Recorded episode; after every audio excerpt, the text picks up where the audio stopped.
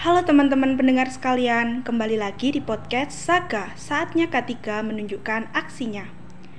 Kali ini aku mau bahas soal money management. Nah, sebelum itu aku udah kedatangan bintang tamu yang istimewa banget, yaitu Kak Johan, selaku owner dari Baraka Coffee Shop. Pastinya teman-teman sekalian udah nggak asing kan sama Baraka Coffee Shop? Oke, kalau gitu kita sambut aja Mas Johan. Halo Mas Johan, gimana nih kabarnya? Halo, halo, kabar baik. Kabarnya gimana? Baik juga sih Mas. Oh, mantap, mantap. Eh, kalau boleh tahu, apa sih kesibukan Mas Johan sekarang? Kesibukannya saat ini eh, manajemen atau ngurusin barakah ini. Lalu ada juga kursus-kursus biasanya untuk weekend itu ada kursus barista, kursus bisnis, sama ada kelas KP gitu. Jadi ya sehari-hari di sini ngajar juga di ruangan belakang. Sama kalau misalnya ada webinar atau pelatihan barista lain itu datang juga ke sana kayak gitu. Oh, sibuk sekali ya Mas Johan ini. Ya, begitulah. Eh, seperti yang Mas Johan tadi jelaskan, kan kayak udah ngisi webinar dan lain-lain. Berarti Mas Johan ini bisa dikatakan sebagai orang yang dipandang gitu loh, orang yang dicontoh orang-orang muda kayak eh, apa ya, kayak pendiri shop lainnya gitu kan. Nah, kalau boleh tahu gimana sih cara Mas Johan ngelola Baraka Coffee Shop ini bisa sebesar ini? Kayak bisa eh, berjalan hingga detik ini gitu loh, Mas. Oh iya ya, terima kasih loh sebelumnya. Sebenarnya sih enggak juga sih, kayak aku cuma menjalankan aktivitas sehari-hari, terus kebetulan deket UB ya kita interaksinya sama UB. Kalau dibilang besar ya nggak terlalu besar juga, masih kecil itu. Jadi kalau Baraka sih berdirinya tahun 2000 2021 atau 2020 ya pokoknya udah jalan satu tahun setengah lah bulan Oktober jadi dulu berdirinya waktu pandemi sih nah untuk mengelola Baraka sendiri ya karena aku dulu kebetulan sih lulusan manajemen lulus- lulusan marketing terus sempat berpengalaman kerja sedikit ya aku terapin itu ilmu-ilmu yang aku dari kuliah dari marketing terus dari kantor-kantor waktu aku kerja dulu aku terapin di sini. Terus aku adaptasi sama lingkungan Baraka gimana strateginya jadi aku ya mengandalkan experience experience mengandalkan ilmu-ilmu dari kuliah gitu jadi kuliahnya harus semangat nih teman-teman semua Ya, makasih makasih Mas motivasinya. Terus sebelum merintis usaha coffee shop ini, ada nggak usaha lain yang dulunya dijalankan gitu, Mas? Kalau usaha lain itu udah dari SMA dulu sempet ya, biasalah anak muda kan sering ganti-ganti usaha. Dulu sempat kayak sepatu jual beli sepatu lalu ada konveksi juga baju waktu kuliah dan sebagainya. Nah itu emang udah beberapa kali usaha biasa anak muda emang harus cari jati diri sama cari pengalaman-pengalaman entah itu wirausaha atau hal lainnya. Nah kebetulan juga circle pertemanan kampus itu juga ya anak ekonomi bisnis kan, lalu circle pertemanan, circle keluarga itu mendukung juga sama kayak ngasih banyak experience buat jadi wirausaha kayak gitu sih. Jadi udah banyak banget ya Mas yang dilalui sebelum Baraka ini berdiri. Terus kenapa sih Mas ini lebih milih usaha coffee shop? Kenapa nggak yang lainnya?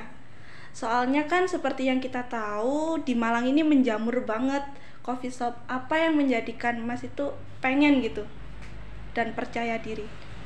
Ya pada pada dasarnya sih memang aku suka bisnis. Jadi waktu aku kerja itu memang tujuannya untuk mencari pengalaman sama tabung menabung uang buat bikin bisnis. Awalnya dulu memang bahkan nggak atau jarang ngopi atau jarang nongkrong. Tapi karena memang berawal dari niat bisnis, kita dulu brainstorming sama ada tim juga. Kita brainstorming apa bisnis yang bagus yang cocok kayak gitu. Nah kebetulan kita sepakat di F&B F&B dulu sebenarnya memiliki beberapa opsi kayak franchise beberapa makanan atau minuman kayak gitu.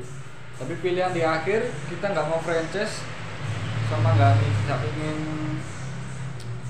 membeli dari brand lain. Akhirnya kita beli atau mendirikan bisnis sendiri. Ya, kebetulan kita sepakat ada tim juga yang mendukung sama ada background juga di coffee shop atau kopi kedai kopi ini ya akhirnya kita memutuskan untuk bikin kedai kopi. Ya memang di Malang banyak banget sih. Kalau aku waktu dulu kuliah 2014 sampai beberapa tahun setelahnya itu dulu nggak sebanyak sekarang. Kayak misalnya di Moro yang Soekarno Hatta atau Iya. pesawat lurus itu belum terlalu banyak kopian. Lalu setelah aku lulus semakin banyak. Bahkan per 20 2022 ini penuh kayak gitu benar-benar Nah, berawal dari situ ya aku melihat dari sisi lainnya. Terus karena memang marketing banget, ya aku percaya bahwa anak marketing itu pasti punya cara untuk memarketkan atau memasarkan produknya. Walaupun banyak berjamur coffee shop lain, pasti ada strateginya. Sebagai dalam tanda kutip sebagai anak marketing secara khusus. Gitu. Jadi ilmu yang didapat di kuliahan itu berguna banget ya Mas untuk membangun sebuah usaha ini. Ya betul sih berguna banget. Ya memang dari awal sih aku aku honestly memang anak IPA sebenarnya. Oh, Lalu circle keluarga itu di ekonomi. Mungkin karena dulu ada sedikit perbedaan pendapat atau kurang arahan dari sekolah mungkin sama orang tua juga kurang arahan. Nah, akhirnya ya menemukan jati diri di manajemen FEBUB itu suatu kebanggaan, suatu sesuai passion lah, sesuatu hal yang sesuai passion. Jadi aku dulu masuk manajemen, wah itu seneng banget. Bayangin aja dari anak sains saintek, Iya. saintis, jadi jadi sosial atau masuk manajemen. Nah itu perjuangan banget. Makanya waktu masuk itu aku seneng banget. Terus ya itu makanya aku memanfaatkan dari semester 1 sampai akhir itu ya kuliah, ya organisasi, ya ikut lomba kayak gitu. Jadi ya memang ya berkah lah kayak gitu. Nah, di Baraka ini berapa sih Mas karyawannya kalau kalau tahu? Nah, kalau per detik ini sih itu ada yang tetap itu ada satu sih sama aku sama ada yang tidak tetap itu bisa rolling kayak gitu. Jadi intinya sih dua lah termasuk aku. Nanti kalau misalnya ada kesibukan itu ada freelance khusus yang casual gitu. Kalau misalnya aku keluar ada kegiatan itu dibantu sama temanku ya nggak menutup kemungkinan waktu kondisi yang nanti akan harapannya normal ya bisa bertambah juga kayak gitu. Jadi sistem kerjanya kayak santai gitu Mas ya, nggak nggak Iya. terikat banget. ya kita memang santai. Sesuai dengan lokasi atau space dari Baraka kan memang nggak terlalu besar. Jadi me- memudahkan kita. Nah kita membesarkan yang di luar. Kayak misalnya kegiatan apa kegiatan apa itu membantu membesarkan nama Baraka. Misalnya kalau ada em, pameran stand atau booth untuk anak-anak Brawijaya, BEM atau himpunan ya kita keluar ke sana. Kalau ada undangan-undangan kita keluar ke sana gitu. Mungkin untuk permulaan memang sebagai pebisnis sebagai anak muda sih kalau kita memang memberdayakan atau menggunakan power sendiri ya alangkah baiknya start small dulu. Nanti bisa bertumbuh semakin besar kalau eh, akarnya atau belajar di awalnya ini sudah kuat. Jadi intinya sih kita timnya simple sih, yang benar-benar teknis ya dua orang. Nanti ada non teknis, desain, terus keuangan itu ada sih. Oke. Kan tadi aku udah ngomong kalau di Malang ini banyak banget dunia perkopian. Nah, hambatan Mas sendiri itu apa sih? Terus kayak adanya kopi shop kopi shop lain itu kayak menjadi ancaman nggak sih buat Baraka ini? Nah, memang kalau kalau tahun 2022 ini coffee shop itu banyak banget. Sesuai yang ya aku tadi sebutkan banyak banget apalagi di Sudimoro. Jadi memang tantangan tersendiri buat Baraka. Tapi perlu diketahui bahwa kita anak bisnis kan pasti pengen bertumbuh terus berkembang bisnisnya dan sebagainya. Dan era bisnis sekarang itu kolaborasi kan. Jadi bisnis-bisnis lain itu bisnis-bisnis lain itu kita memandangnya bukan sebagai pesaing atau ancaman tapi ya um, partner atau saling sharing ya gitu. Bahkan sering sekali di storynya Baraka atau aku pribadi itu kita berkunjung ke coffee shop lain. Ngetek bahkan ngetek Iya. ngetek ngefoto coffee shop lain lalu kita upload di Baraka ada beberapa yang timbal balik datang ke Baraka ada juga yang enggak gitu. Jadi aku bahkan memasarkan kafe mereka di Baraka kayak gitu. Tak foto di kafenya itu. Nah selain itu untuk kafe-kafe lain itu aku memandang bukan pesaing tapi kalau ada yang lebih tua itu aku belajar dari senior lah istilahnya. Kalau kafe-kafe kan banyak em, pengalamannya yang udah lama berdiri tuh pasti nggak cuma kafe dia bahkan mungkin jual biji kopi atau jual produk-produk lain turunan dari kafe tersebut. Jadi aku memandangnya sih bukan sebagai ancaman atau pesaing tapi eh, kolaborasi atau em, senior atau orang yang sudah punya pengalaman kayak gitu nah kalau kita memandangnya sebagai kompetitor kita malah akan takut sendiri sih. Jadi bener-bener itu mindset orang-orang lama sebenarnya buku-buku lama kayak kita ngomongin teori sedikit ada kayak teori Porter dan sebagainya itu menganggap strategi bisnis itu yang di luar dari bisnisnya dia itu sebagai ancaman. Tapi aku bisa berpendapat bahwa itu teori lama sama apa namanya konsep-konsep lama. Sekarang itu konsepnya bisnis kolaborasi. Gitu. Jadi mengajak pesaing pun diajak berkolaborasi atau bahkan kalau bisa di luar pesaing atau bisnis lain diajak kolaborasi juga. Misalnya kedai kopi tapi kita kolaborasi sama mie ayam. Itu kan kolaborasi namanya. Kayak gitu sih. Jadi kayak Mas Johan ini lebih nerapin konsep kolaborasi. Oke Mas, sekarang terkait money management. Kan Baraka ini udah berdiri dari 2020 eh, di bulan Oktober kan. Itu udah sekitar beberapa tahun yang lalu. Dan Baraka bisa masih berdiri hingga hari ini. Bagaimana sih cara Mas Johan mengelola keuangan di Baraka ini? Ya, memang betul Baraka itu udah berdiri sejak tahun 2020 10 Oktober ya almost 2 tahun lah selama ini. Jadi kalau uh, dalam bahasa manajemen itu ada namanya financial management atau money management nggak apa-apa. Jadi financial management itu memang perlu perlu ilmunya supaya bisa diterapkan dengan baik. Jadi dengan persaingan yang sangat ketat itu memang cukup menjadi tantangan sebagai Baraka untuk financial management sendiri itu sebenarnya tim Baraka itu ada orang yang memang fokus di financial management kebetulan dulu yang mengelola atau sebagai manajer keuangan ini itu teman kuliah dulu di manajemen jurusannya memang manajemen keuangan. Jadi aku mempercayai dia sebagai financial mana- manajernya lah di Baraka nah basically tapi tapi basically itu memang harus di dibawa sifat oleh owner itu sendiri atau yang pelaku teknis di lapangan. Jadi intinya adalah harus berhemat dulu siapa yang ada di lapangan kayak gitu. Jadi harus efisiensi dalam hal biaya, dalam hal pengeluaran, harus ada pemisahan antara keuangan pribadi, keuangan bisnis, dan bahkan keuangan-keuangan lain kayak investasi atau lain sebagainya. Jadi itu memang harus dipisahkan dan diterapkan report-report financial management. Kayak misalnya temanku setiap bulan itu aku pribadi setiap minggu selalu ngasih report ke temanku.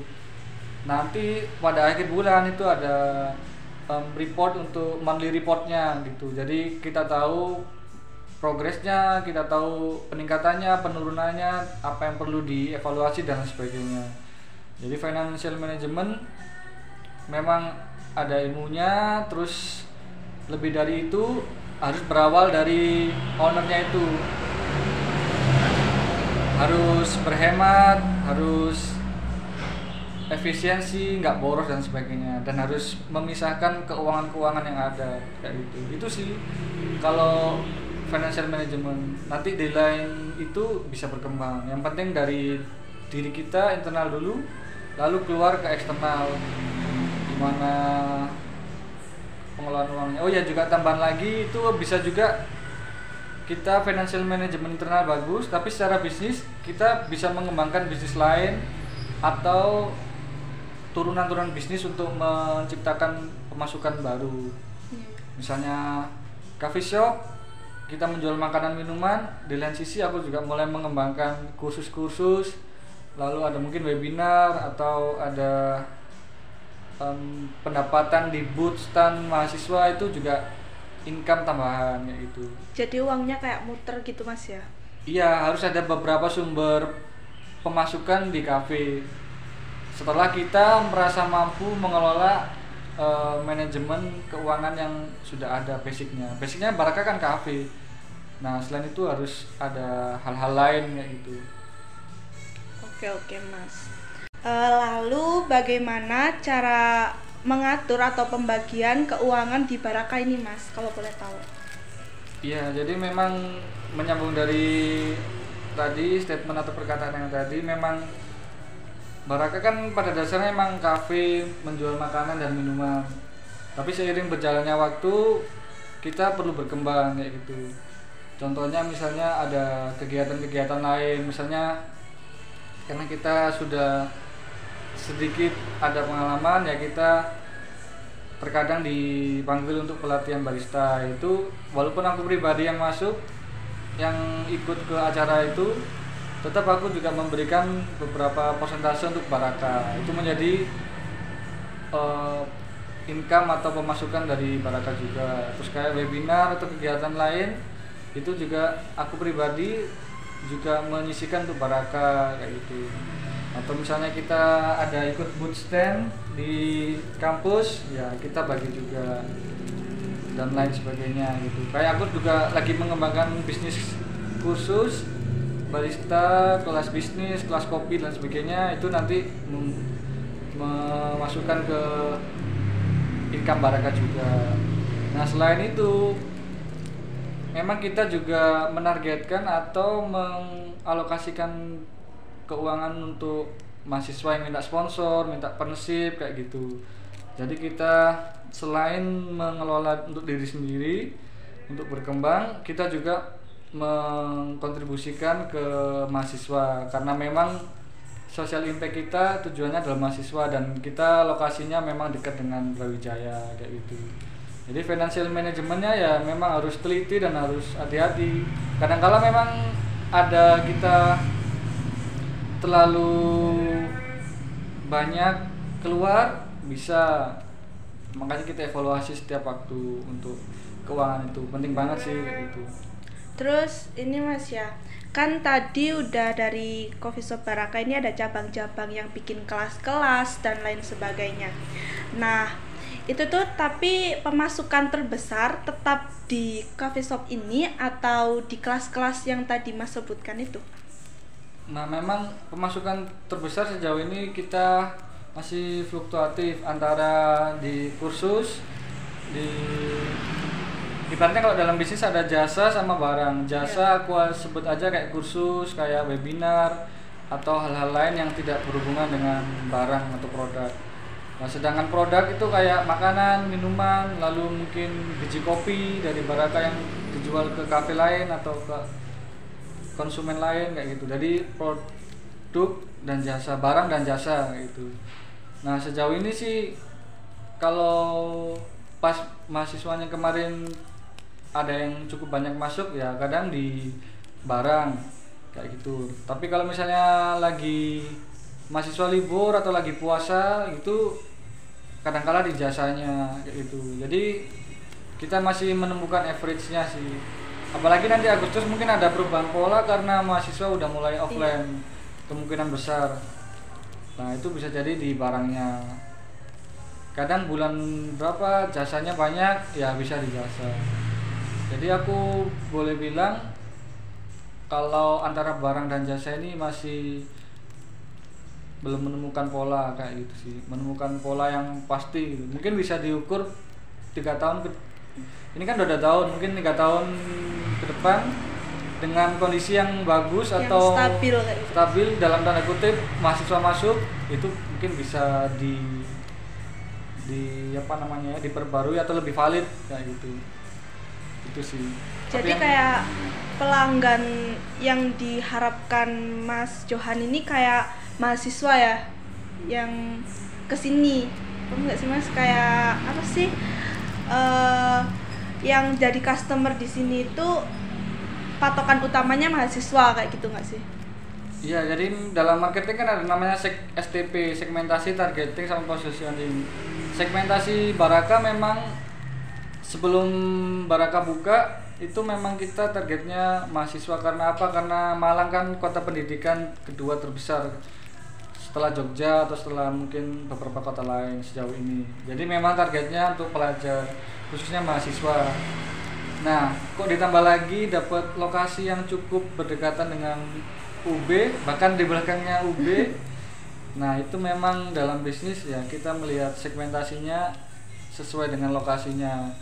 Nah, makanya mahasiswa itu menjadi em, segmentasi utama. Selain itu ya mungkin para pekerja-pekerja baru, pekerja muda gitu. Kalau bapak-bapak, om-om, tante-tante atau family sih bukan target market kita walaupun satu dua orang itu ada juga. Jadi kan ditentukan oleh lokasi sama tujuan utama kita berbisnis siapa customernya kayak gitu. Oke, jadi target utamanya itu mahasiswa. Soalnya di Malang ini kota pendidikan dan lokasi Baraka belakang UB persis ya, Mas. Terus kan Baraka ini dibuka waktu adanya COVID-19. Nah, sekarang itu kan kayak beransur-ansur COVID ini udah mulai hilang kan, udah masyarakat udah mulai biasa aja. Nah, dengan keadaan yang sekarang apakah ngaruh dengan perkembangan Baraka? Maksudnya kalau Covid dulu sepi atau sekarang bisa lebih rame atau gimana?